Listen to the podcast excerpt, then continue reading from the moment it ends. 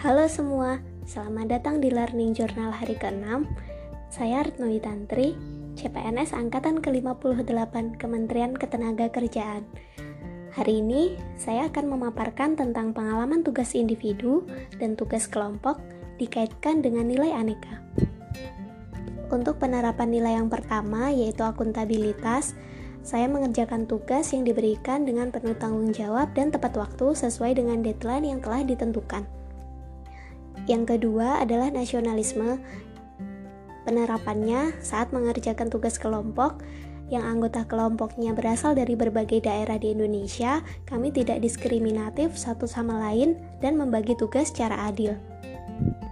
Untuk penerapan nilai yang ketiga, yaitu etika publik, penerapannya adalah saat ada hal-hal yang kami tidak paham tentang suatu tugas, kami bertanya kepada Widya Iswara dengan bahasa yang sopan melalui chat di WA Group.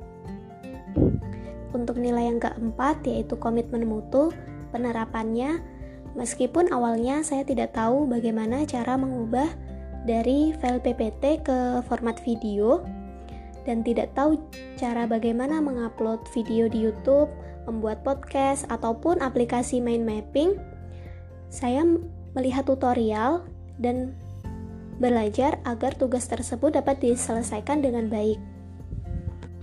Nilai yang terakhir yaitu anti korupsi.